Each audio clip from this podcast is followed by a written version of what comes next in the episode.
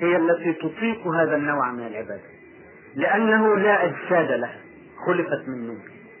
ولكن الله سبحانه وتعالى وقد خلق الإنسان بجسد وبعقل وبروح فمن رحمته جعل نشاط جسده عبادة ونشاط عقله عبادة ونشاط روحه عبادة حين يتوجه فيها إلى الله وحين يلتزم فيها الإنسان بأمر الله. يقول صلى الله عليه وسلم في حديث طويل عن الصدقات. وإن في بضع أحدكم لأجرا والمباضعة هي ما يكون بين الزوج وزوجته قالوا أو قلنا في روايات يا رسول الله إن أحدنا يأتي زوجه شهوة منه ثم يكون له عليها أجر. قال أرأيتم لو وضعها في حرام؟ أكان عليه فيها وزر فإذ وضعها في حلال فله عليها أجر. وبذلك صار عمل الجسد عبادة. لأن العبادة هي التي ينال الأجر ينال الإنسان الأجر عليه. وهكذا سائر أمور الحياة. إذا كان الجنس أصبح عبادة فمن باب أولى التجارة عبادة وطلب العلم عبادة. وهناك نص في طلب العلم. طلب العلم فريضة. ما المقصود به؟ يتبادر إلى الذهن في الحال أنها أمر واجب. طلب العلم أمر واجب أمر لازم. ولكن التعبير يعني أكثر من ذلك. ما الفريضة في الإسلام؟ الفريضة في الإسلام أمر واجب يتعبد به الإنسان لربه ويتقرب به لربه. وطلب العلم في الإسلام فريضة بهذا المعنى.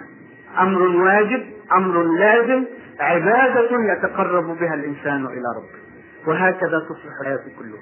بشتى ميادينها بشتى ألوان نشاطها عبادة لله حين يتوجه فيها إلى الله ويلتزم فيها بالحلال والحرام الذي قرره الله. وتكون يكون هذا تطبيق الآية قل إن صلاتي ونسكي ومحياي ومماتي لله رب العالمين. هل تفهم الأجيال المعاصرة العبادة على هذا النحو؟ الذي كانت تفهمه الأجيال الأولى بداهة وتعيشه بداهة أن كل لحظة من لحظات الحياة هي عبادة موجهة إلى الله حتى استحقوا قوله تعالى إن في خلق السماوات والأرض واختلاف الليل والنهار لآيات الباب الذين يذكرون الله قياما وقعودا وعلى جنوبهم. هل كانوا يذكرون الله بالمسابح؟ سبوش سبوح قدوس قدوس. ما أجرى عن الصحابة رضوان الله عليهم أنهم كانوا يفعلون ذلك. إنما كانوا يذكرون الله قياما وقعودا وعلى جنوبهم أي في جميع أحوالهم لا ذكر اللسان وحده ولا ذكر اللسان والقلب وحدهما. ولكن يذكر الإنسان ربه في كل لحظة في كل عمل. يقول الآن يريد الله مني أن أجاهد. فلأجاهد فيكون هذا هو ذكر الله. الله يريد مني الآن أن أحسن نفسي بالزواج فيفعل ذلك ويكون هذا هو ذكر الله في تلك اللحظة. الله يريد مني أن أكون أمينا في بيعي وفي شرائي. فلأفعل ذلك وهذا هو ذكر الله في تلك اللحظة. أي يذكرون ما أمرهم الله به وما نهاهم عنه قياما وقعودا وعلى جنوبهم.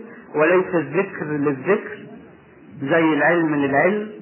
شعارات الجاهلية المعاصرة العلم للعلم الفن للفن الحياة للحياة كلا إنما يذكر ليعمل. يقول الصحابة رضوان الله عليهم لم نكن نستكثر من القرآن. إنما كنا نأخذ عشر آيات عشر آيات. ولا نطلب ما بعدها حتى نكون قد عملنا بها فتعلمنا العلم والعمل جميعا. هكذا كان معنى العبادة في حس الأجيال الأولى. ونكذب على أنفسنا إن قلنا إن هذا المفهوم بنصاعته بعمقه بشفافيته موجود لدينا الآن إنما نفهم على أكثر تقدير أن العبادة هي شعائر التعبد. لو مضينا نسرد مفاهيم الإسلام واحدا واحدا فسنجد أن الفساد قد دب إلى المفاهيم والتصورات كما دب إلى مفهوم لا إله إلا الله كما دب إلى مفهوم العبادة. مفهوم القضاء والقدر تغير وفسد. بدلا من أن يكون قوة دافعة صار قوة مخذلة بدلا من أن كان يقول القائل متمثلا بقوله تعالى قل لن يصيبنا إلا ما كتب الله لنا هو مولانا وعلى الله فليتوكل المؤمنون. فيندفع إلى الجهاد إلى القتال. صار المتأخرون يقولون ما لك سوف يأتيك. لا تعمل لا تخرج لا تسعى. لأن الذي كتبه الله لك سيأتيك ويدخل جنة وهكذا تغير مفهوم القضاء والقدر. من قوة دافعة إلى قوة مخذلة لم يكن مفهوم القضاء والقدر حجة للناس لينسلخوا من مسؤولياتهم. إنما كان إيمان المسلمين الأوائل بعقيدة القضاء والقدر مصحوبا بإحساسهم بمسؤوليتهم عن عملهم إذا أخطأوا. انظر قوله تعالى أولما أصابتكم مصيبة قد أصبتم مثليها. قلتم أن هذا؟ قل هو من عند أنفسكم. إن الله على كل شيء قدير. وما أصابكم يوم التقى الجمعان فبإذن الله. بإذن الله هو قدر مقدور. وفي ذات الوقت هو من عند أنفسكم. نتيجة خطأ ارتكبتموه.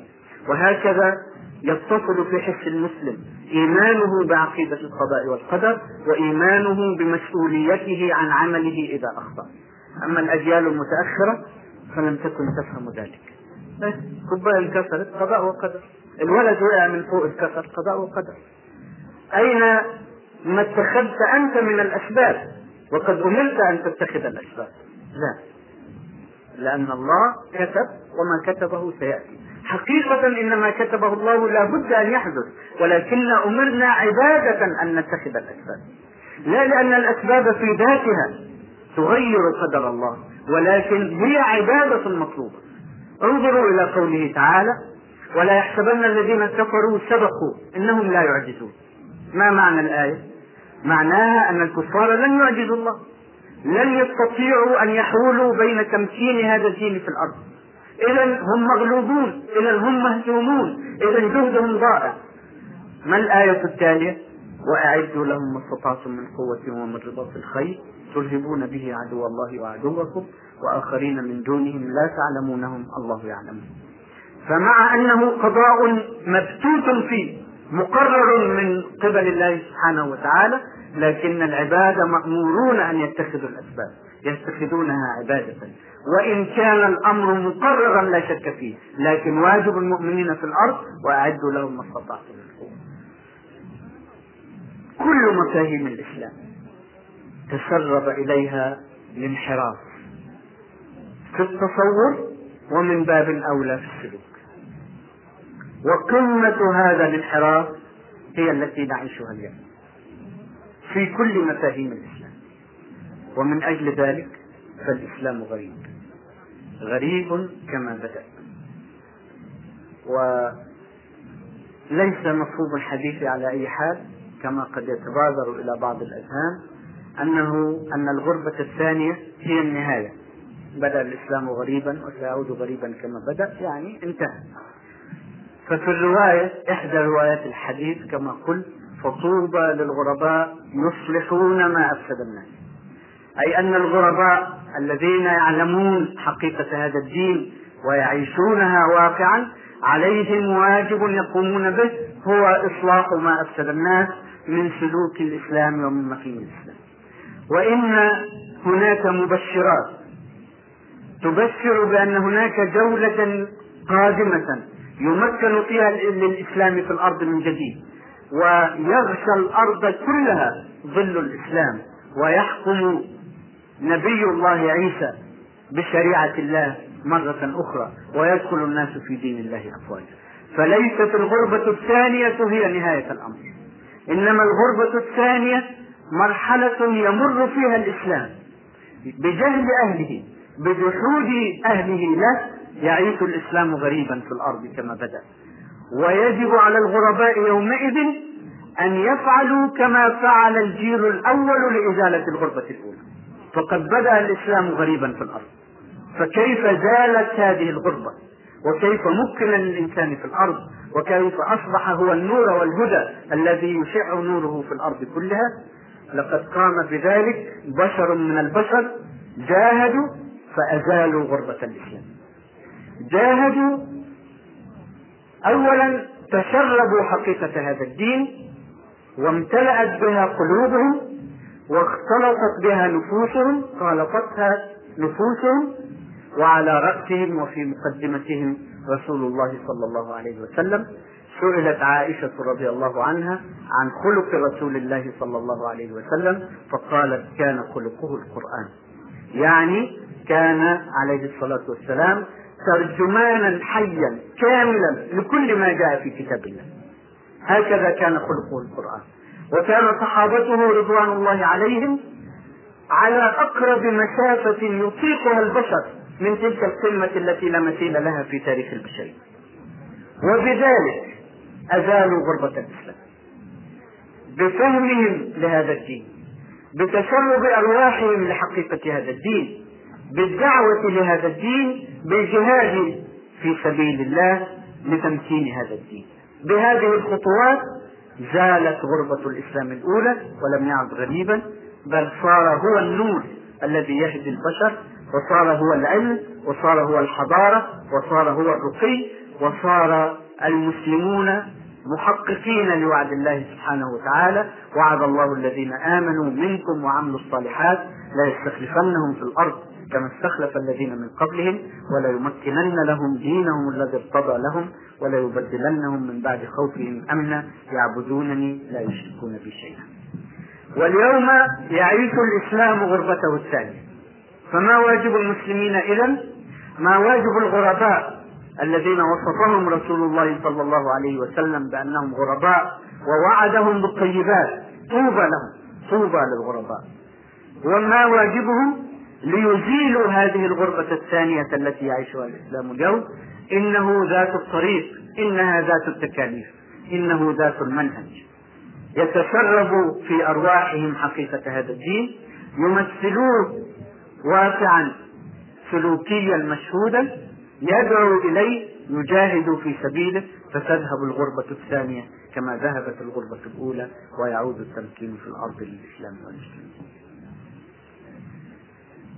يكفيني هذا القدر وأنا أخشى دائما أن أطيل يكفيني هذا القدر في ذراع الكماشة الأولى جهل أبنائه وجحودهم.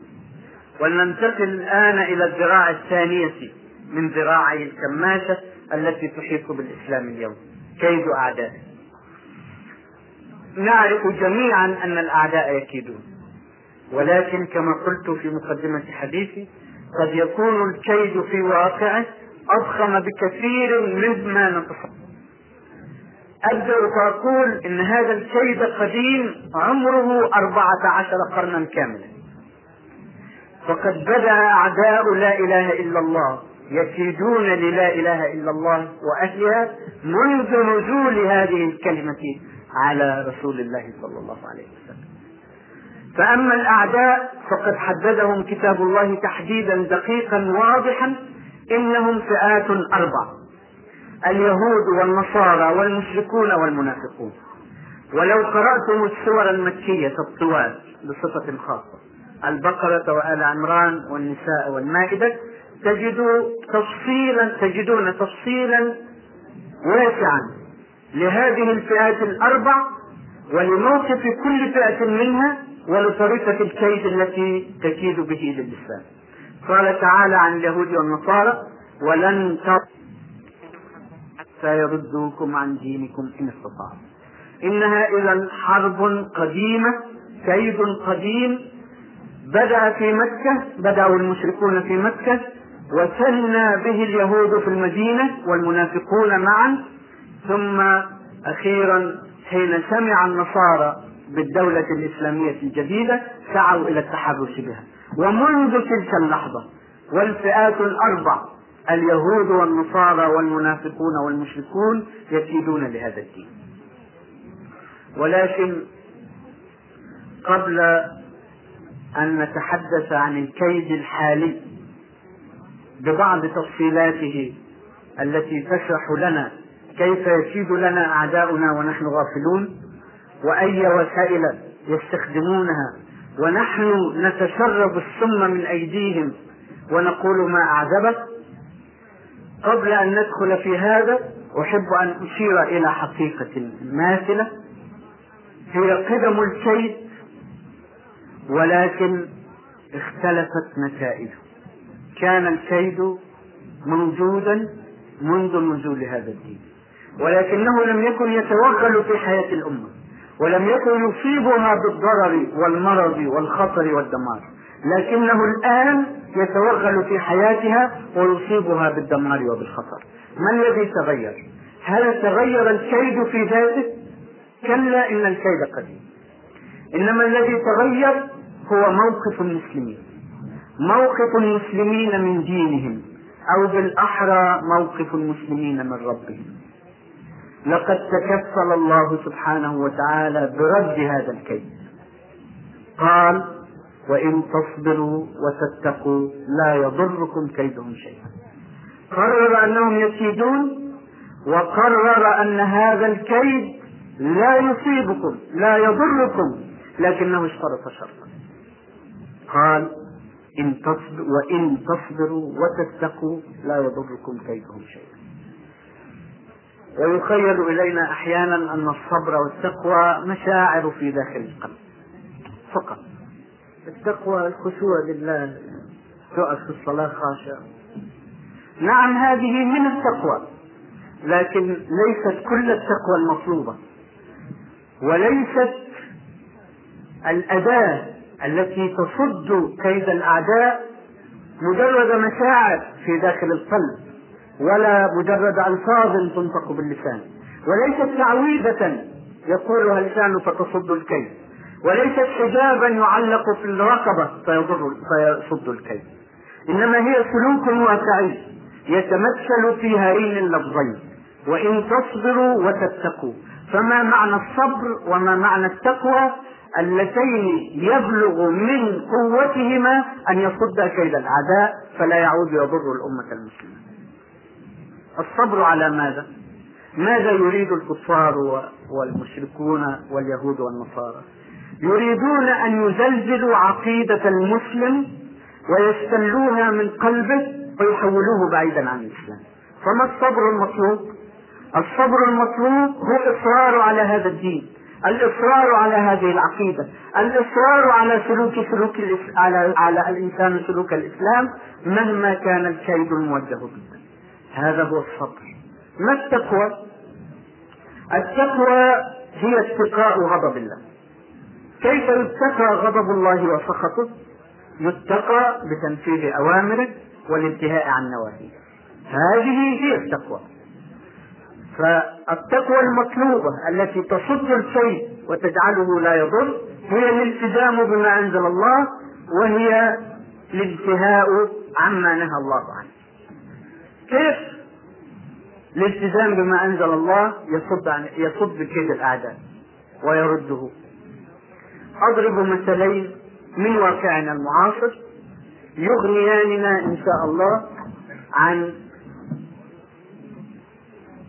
عن أمثلة أخرى.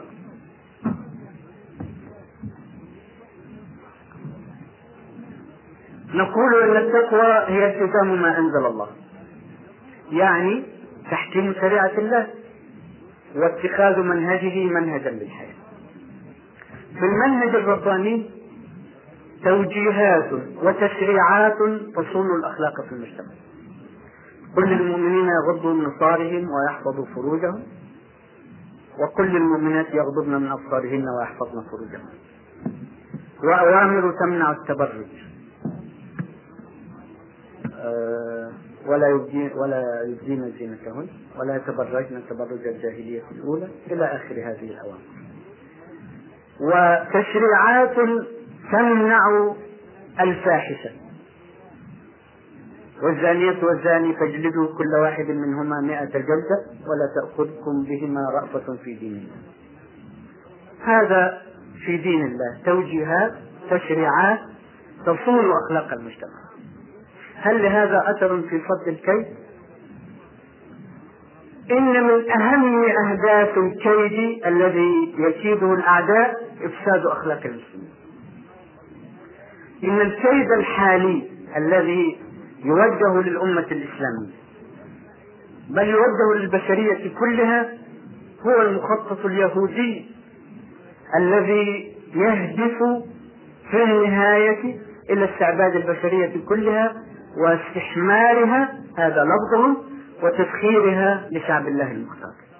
التلميذ وهو كتاب اليهود الأقدس من التوراة هو كتاب بشري. لكن مكتوب فيه آه، من عصى التلمود فجريمته أشد من جريمة من عصى التوراة. يعني الكتاب المنزل في حسهم أقل قداسة هو حرف طبعا لكن هو أقل قداسة في حسهم من كتاب التلمود التلمود يقول عن الأمميين أو الأميين بالتعبير القرآني يعني كل الأمم من غير اليهود يقول قبحهم الله فيما يقولون الأمميون هم الحمير الذين خلقهم الله ليركبهم شعب الله المختار. وكلما نفق منهم حمار ركبنا حمارا آخر. وهم يسعون إلى استحمار البشرية لاستعباد لركوبها لاستخدامها دواب حمل ودواب سخرة لشعب الله المختار. كيف يستحمرون البشر؟ كيف يسلبون الآدمي آدميته ويحولونه إلى دابة؟ لقد نزل القول فيهم هم ولكنهم وعوا الحكمة. يقول الله سبحانه وتعالى مثل الذين حملوا التوراة ثم لم يحملوها كمثل الحمار. يعني أن أي فرد أو جماعة أو أمة نزل الله لها كتابا ليكون منهج حياتها ثم أدارت ظهرها لهذا الكتاب واتبعت غيره أمة قد فقدت آدميتها أولئك كالأنعام بل هم أضل. ولقد وعى اليهود هذه الحكمة جيدا وعلموا أنه لا سبيل لهم إلى تنفيذ مخططهم الشرير. لا سبيل لهم إلى استعباد البشرية واستحمارها إلا بنزع عقائدها ونزع أخلاقها. ولقد جربوا درسهم الأول في أوروبا فأفسدوا أخلاق أوروبا وعقيدتها ثم إنهم يستديرون اليوم للعالم الإسلامي يطبقون الدرس فيه مرة أخرى لسلب عقيدته وسلب أخلاقه فيستحمر كما استحمر كما استحمر بقية الأمم. إذا كان هذا هو مخطط الإفساد فهل المحافظة على الأخلاق وصيانة المجتمع من الجريمة تصد كيد الأعداء؟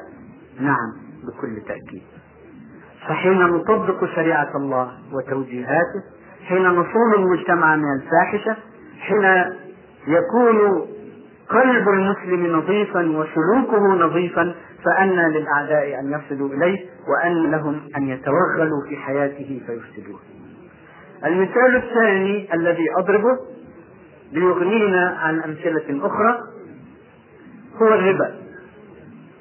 في شريعة الله حرم الربا.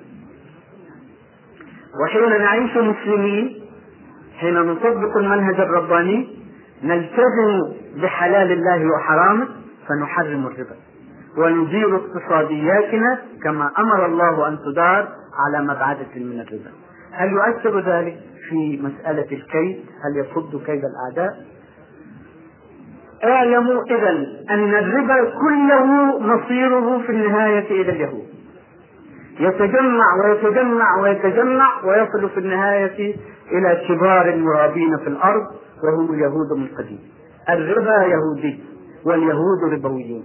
الربا عجينة حياة اليهود. لا يعيشون بغيره ولا يقومون في الأرض بغيره ولا يتمكنون في الأرض بغيره. أين تذهب أموال المسلمين اليوم؟ تذهب إلى البنوك الربوية يعني في النهاية تذهب إلى اليهود أين تذهب أموال البترول؟ تذهب إلى بنوك أوروبا وأمريكا التي يسيطر عليها اليهود فيأخذون حصيلة أموالنا ليحاربون بها وهذا هو الذي يحدث لو أننا فقط عشنا حياتنا كما أمر الله في هذا الجانب وحده. والله أمرنا أن نعيش حياتنا كلها في ظل شريعته وظل منهجه. لكن تصوروا معي فقط أننا التزمنا بأمر الله في هذا الشأن وحده وأدرنا حياتنا الاقتصادية بعيدة عن الربا. كم يخسر اليهود؟ كم من الأموال التي تقع في أيديهم وجيوبهم يحرمون منها فتنقص قوتهم ثم تزول. أمريكا قالت ذات يوم مهددة مهددة العرب أصحاب البترول قالت لهم لن تأخذوا لن تسحبوا أموالكم من البنوك الأمريكية. لن نسمح لكم بسحب أرصدتكم من البنوك الأمريكية. لأن ذلك يخرب الاقتصاد الأمريكي. مجرد سحب الأرصدة من تلك البنوك يخرب الاقتصاد الأمريكي. فكم نمكن لكيد أعدائنا بأنفسنا حين لا نلتزم المنهج الرباني. وكم نصد هذا الكيد لو أننا التزمنا لو أننا صبرنا واتقينا. وإن تصبروا وتتقوا لا يضركم كيدهم شيئا. أكتفي بهذين المثلين لوضوحهما ويغنياننا عن كثير من الأمثلة الأخرى. وأنتقل إلى تفصيل الكيد. الذي يكيده لنا أعداؤنا لأنه أضخم بكثير مما قد نتخيله. الحرب الصليبية الصهيونية الموجهة للإسلام اليوم وضعت بذورها منذ قرون. وأذكر لكم هذه الحادثة التاريخية قد تعلمونها وقد يجهلها كثير منا. حين وقع لويس التاسع أسيرا في الحروب الصليبية الأولى وقع أسيرا في مصر وسجن في سجن المنصورة جلس يتفكر. يتفكر ليحكم الكيد ضد المسلمين. فلما أفرج عنه وعاد إلى بلاده أوحى لقومه بالخطة الشديدة للقضاء على المسلمين. قال لهم إن الحرب بالسلاح وحده مع الإسلام لا تفيد. ولقد جربنا وهزمنا أمام العقيدة الإسلامية. إنما إذا أردتم أن تهزموا المسلمين فاهزموا عقيدتهم. حاربوهم في عقيدتهم لا بالسلاح وحده. وعندئذ فقط تستطيعون أن تتغلبوا على المسلمين. ووعى الصليبيون هذه هذه النصيحة. فلما عادوا في الحرب الصليبية الثانية التي نعيش اليوم آثارها ووقائعها لم يعود بالسلاح وحده ولم يكن الاستعمار الصليبي استعمارا حربيا فقط ولا سياسيا فقط ولا اقتصاديا فقط. إنما جاءوا معهم ما نصطلح على تسميته اليوم الغزو الفكري. الغزو الفكري الذي يقصد به اقتلاع العقيدة من قلوب المسلمين لكي يمكن للكيد اليهودي والنصراني معا في أرض الإسلام. حين احتل الإنجليز مصر وأنا أضرب مثالا من مصر لأني عايشت هذه القضايا معايشة طويلة من جهة ولأن التجربة المصرية تجربة متكاملة. أي من بدء الانسلاخ من الإسلام إلى بدء العودة إليه بإذن الله. ولأن التجربة المصرية قد تكررت بجميع حذافيرها في بقاع كثيرة من العالم الإسلامي. فإذا تكلمت عن التجربة المصرية فأنا أتكلم في الواقع عن تجربة عالمية في عالم الإسلام. حين دخل الإنجليز مصر عام 1300